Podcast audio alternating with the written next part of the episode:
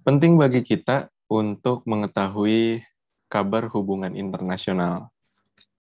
Kenapa ini menjadi penting? Karena secara kita sadari, kehidupan sehari-hari yang kita jalani itu baik secara langsung ataupun tidak langsung, ini berkaitan dengan hubungan internasional.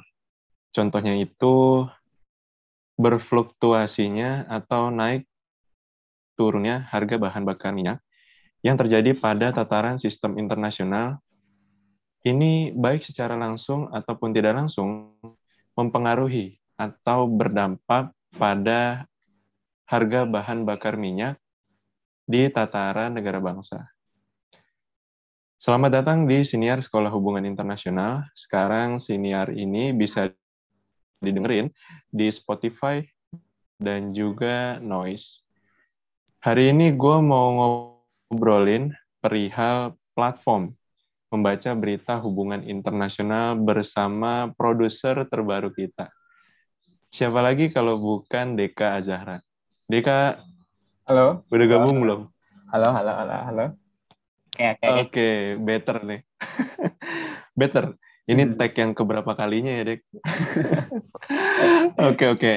Jadi, teman-teman, kita kali ini konsepnya itu akan berdasarkan studi wilayah.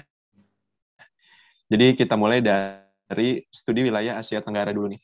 Jadi, di wilayah Asia Tenggara, ini kita bisa baca beritanya gitu dari namanya The Diplomat.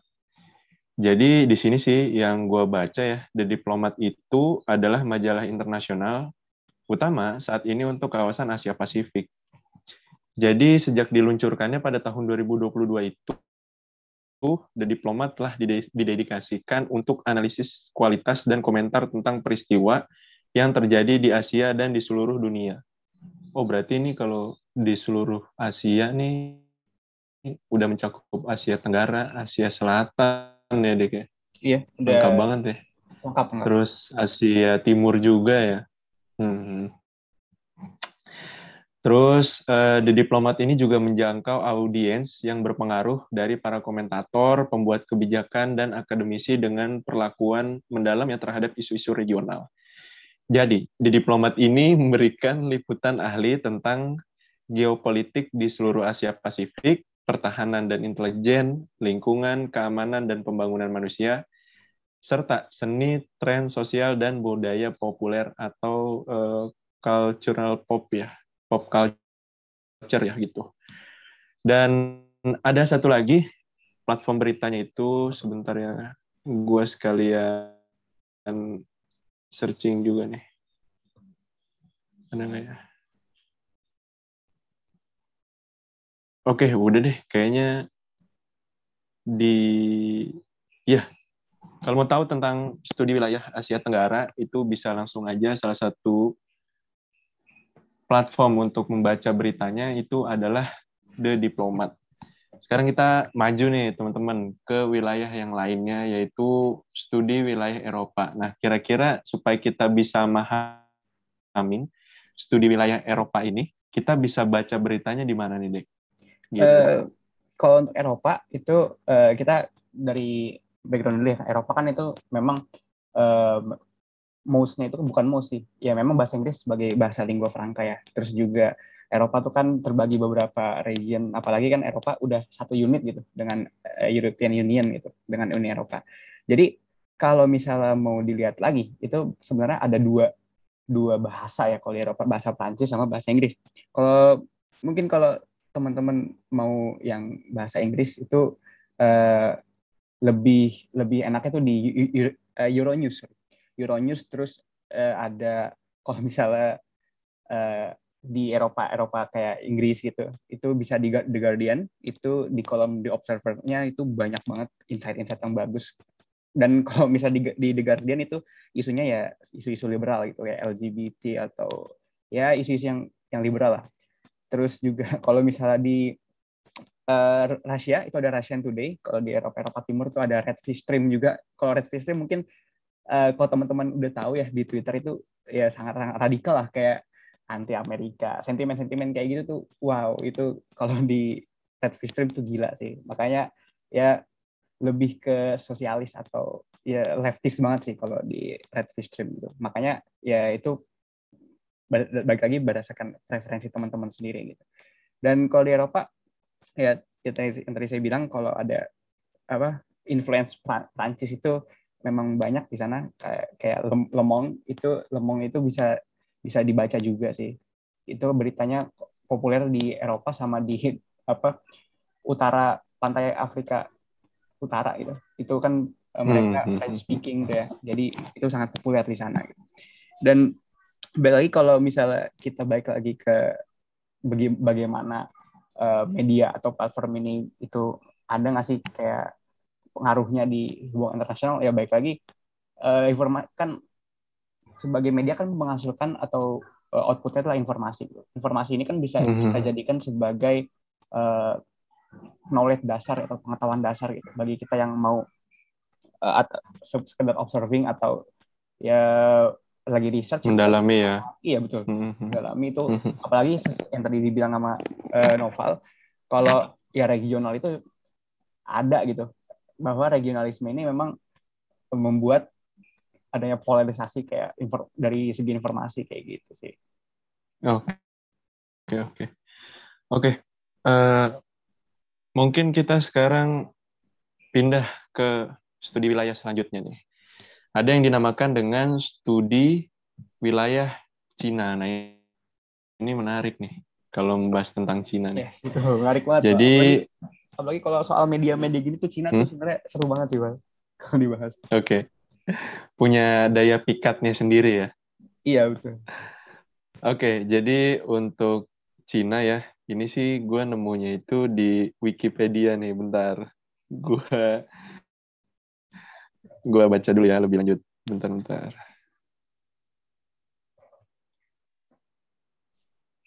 Ya, jaringannya lama lagi. Bentar ya teman-teman.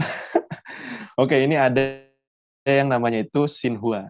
Jadi kantor berita resmi pemerintah Republik Rakyat Tiongkok dan merupakan yang terbesar di negara tersebut.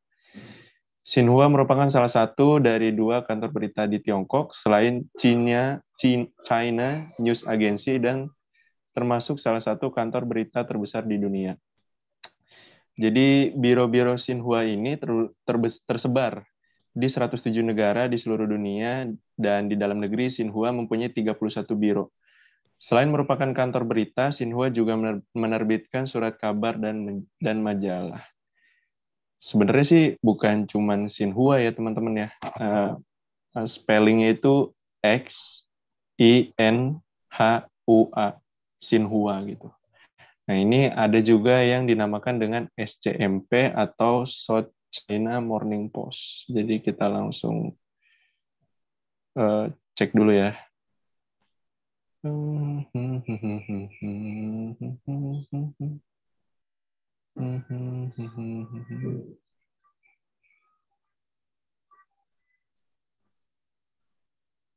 Mana nih?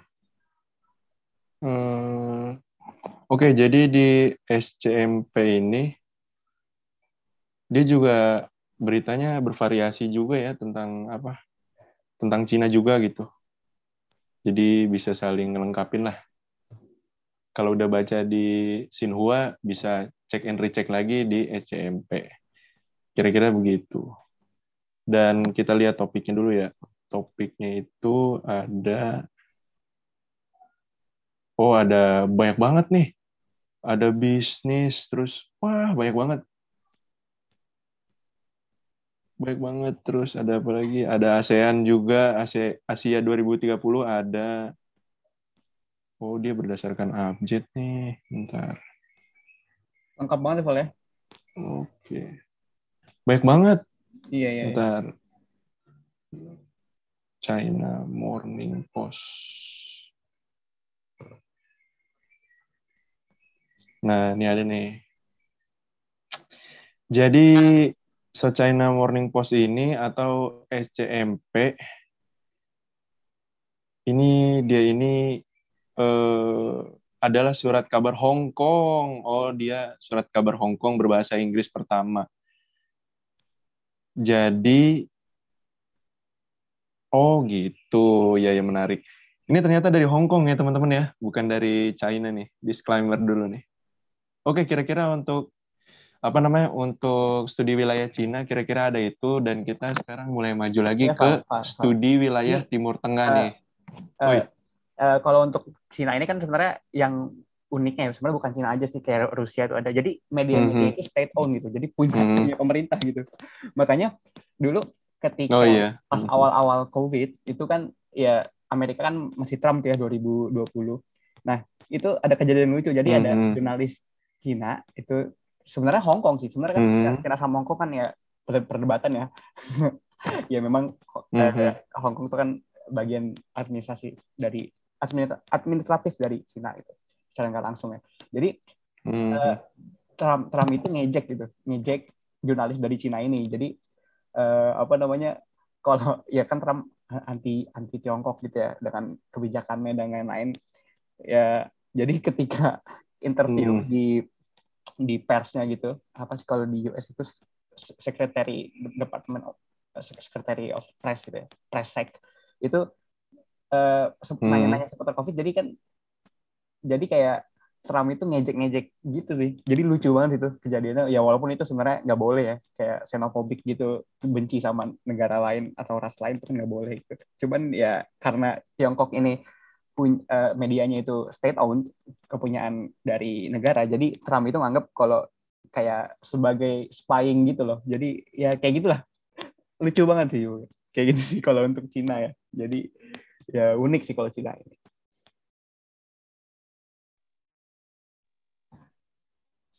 argumentasinya bagus tuh tadi. Dan itu mengajak kita untuk maju lagi nih, Dek.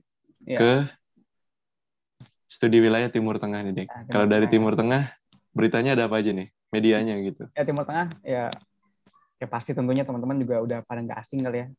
Itu ada Al Jazeera gitu. Itu kan media Timur Tengah yang cukup apa ya, cukup sohor lah. Kayak dia punya tiga HQ gedungnya itu di Doha, Qatar tentunya. Terus juga ada di UK, ada di London sama di apa, DC gitu di apa US. Nah, sebenarnya kan kalau kita lihat Al Jazeera itu kontennya kalau mungkin teman-teman yang udah pernah pernah nonton kayak dokumenter atau nonton apa nonton uh, berita di Al Jazeera kan sebenarnya ya memang agak yang kita lihat ya itu agak bias sih kayak agak bias ke Timur Tengah banget gitu. Jadi ya sentimen-sentimen anti Amerika ada sebenarnya walaupun nggak nggak nggak sekelihatan kayak Red Stream di uh, Rusia atau Ukraina gitu. Dan banyak sih sebenarnya kalau kita lihat Al Jazeera tuh. Kayak apa sister channel sister channelsnya atau uh, konten-kontennya. Kan sebenarnya kalau Al Jazeera ini kan konten yang kita kita tonton kan yang sering kita tonton kan adalah konten-konten kayak dokumenter gitu. Jadi kalau misalnya di, di, di jurnalis itu kan kayak di jurnalisme itu kan ada investigating journalism itu ya memang khusus buat investigating. Kayak kalau di Al Jazeera tuh kayak Israel di Gaza atau enggak kayak Uighur di Tiongkok itu kan memang banyak gitu. Apalagi uh, kita balik lagi ke Cina ya. Apalagi Al Jazeera ini kan kalau nggak salah pernah di ban juga di Cina. Pernah bukan di ban apa kena kasus gitu. Kayak di su gitu sama pemerintah Cina soal uh, karena Al Jazeera ini bikin dokumenter tentang sistem penjara di Cina gitu. Kalau ya which is kita udah tahu Cina itu kan kayak gimana gitu ya sistemnya dan ya banyak masalah juga sih ketika di Tiongkok. Apalagi Al Jazeera ini ketika Arab Spring di mm -hmm. Timur Tengah ini kan gila juga nih exposure dia gitu. Walaupun di Arab Spring Timur Tengah itu kan udah udah dikenal namanya citizen journalism citizen, citizenship journalism wow susah juga deh uh, kayak media-media sosial kan udah berkembang kayak Facebook juga udah berkembang jadi uh, Al Jazeera di sini pun punya role yang gede gitu ketika kayak apa ya empowering masa gitu ketika Arab Spring. Dan kalau misalnya kita mau take a look gitu ke Israel gitu ya itu ada media namanya Haaretz.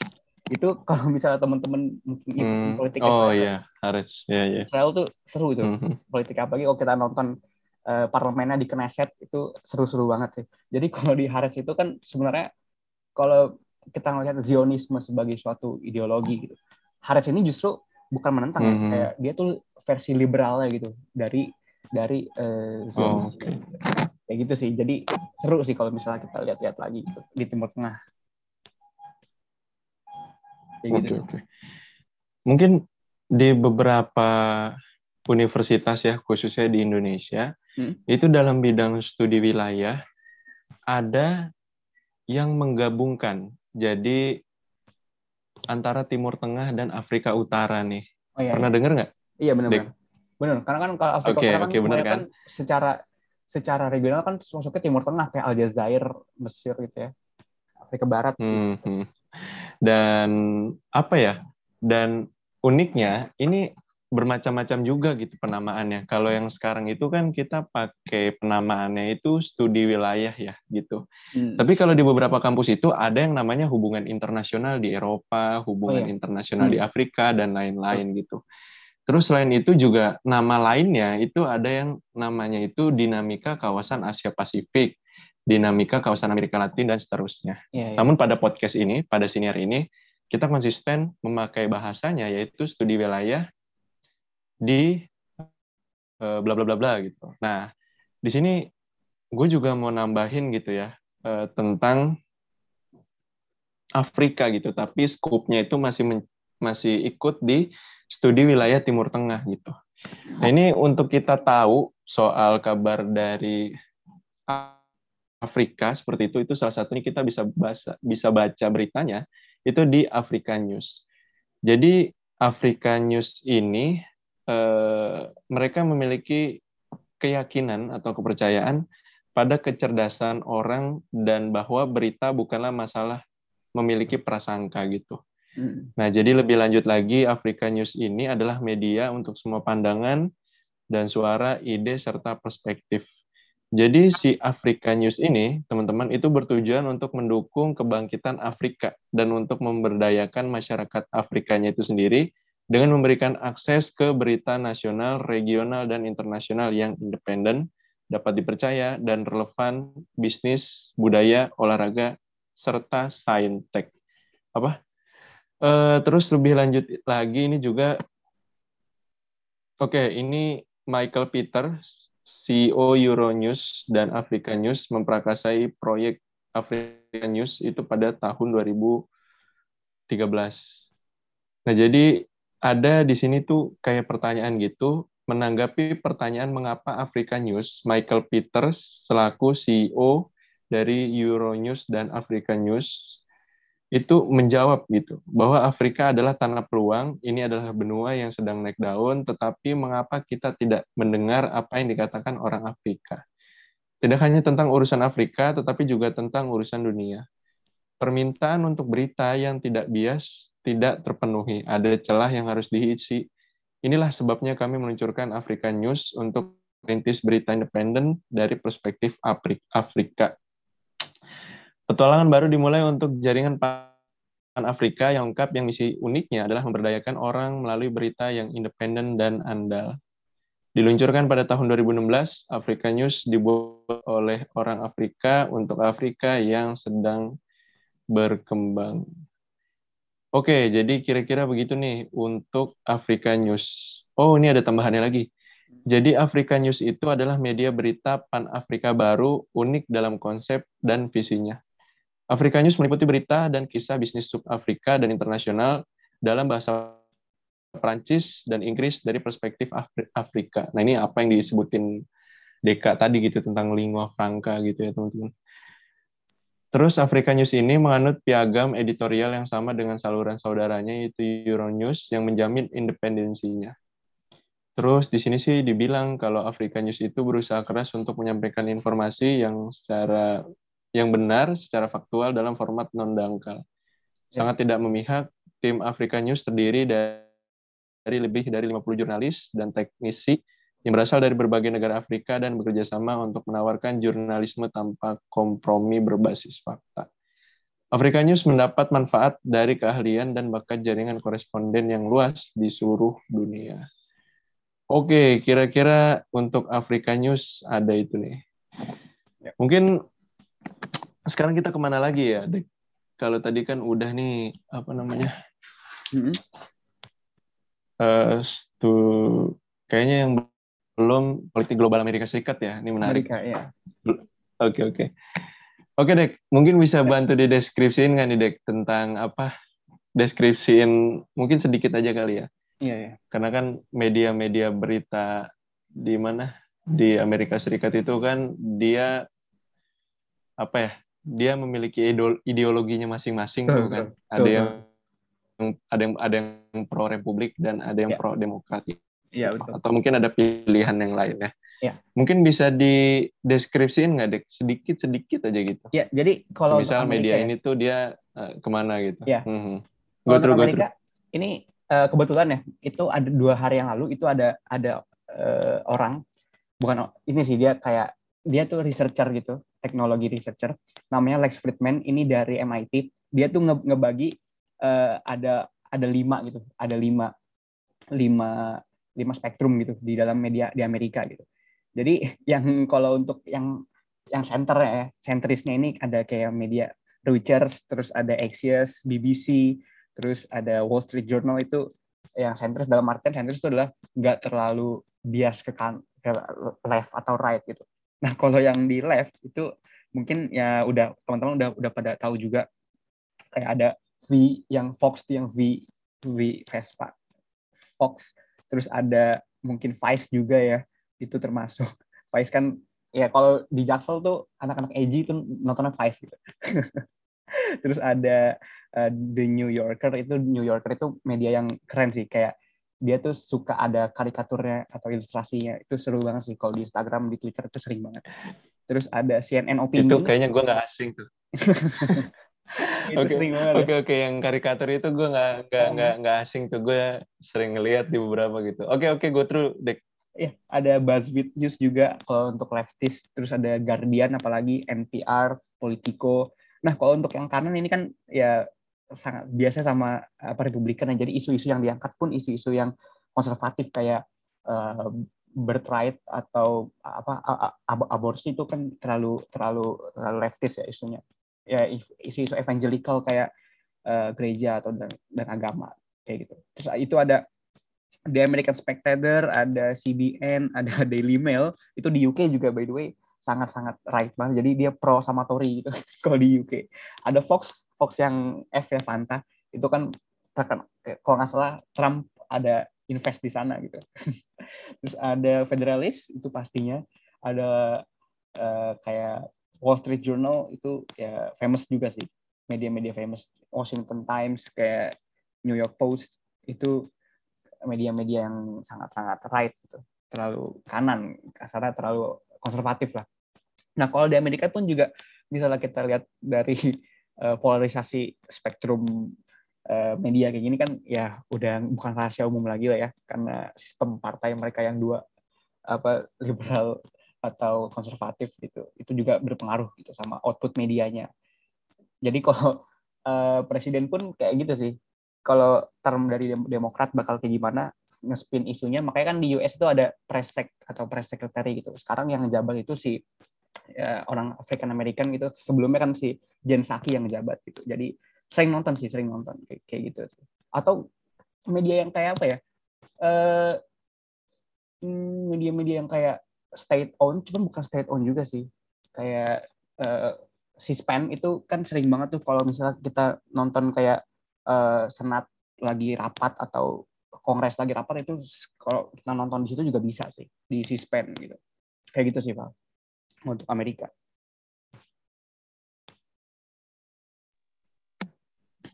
Oke, ini menarik ya. Harusnya tadi di awal tuh bukan politik global Amerika Serikat gitu.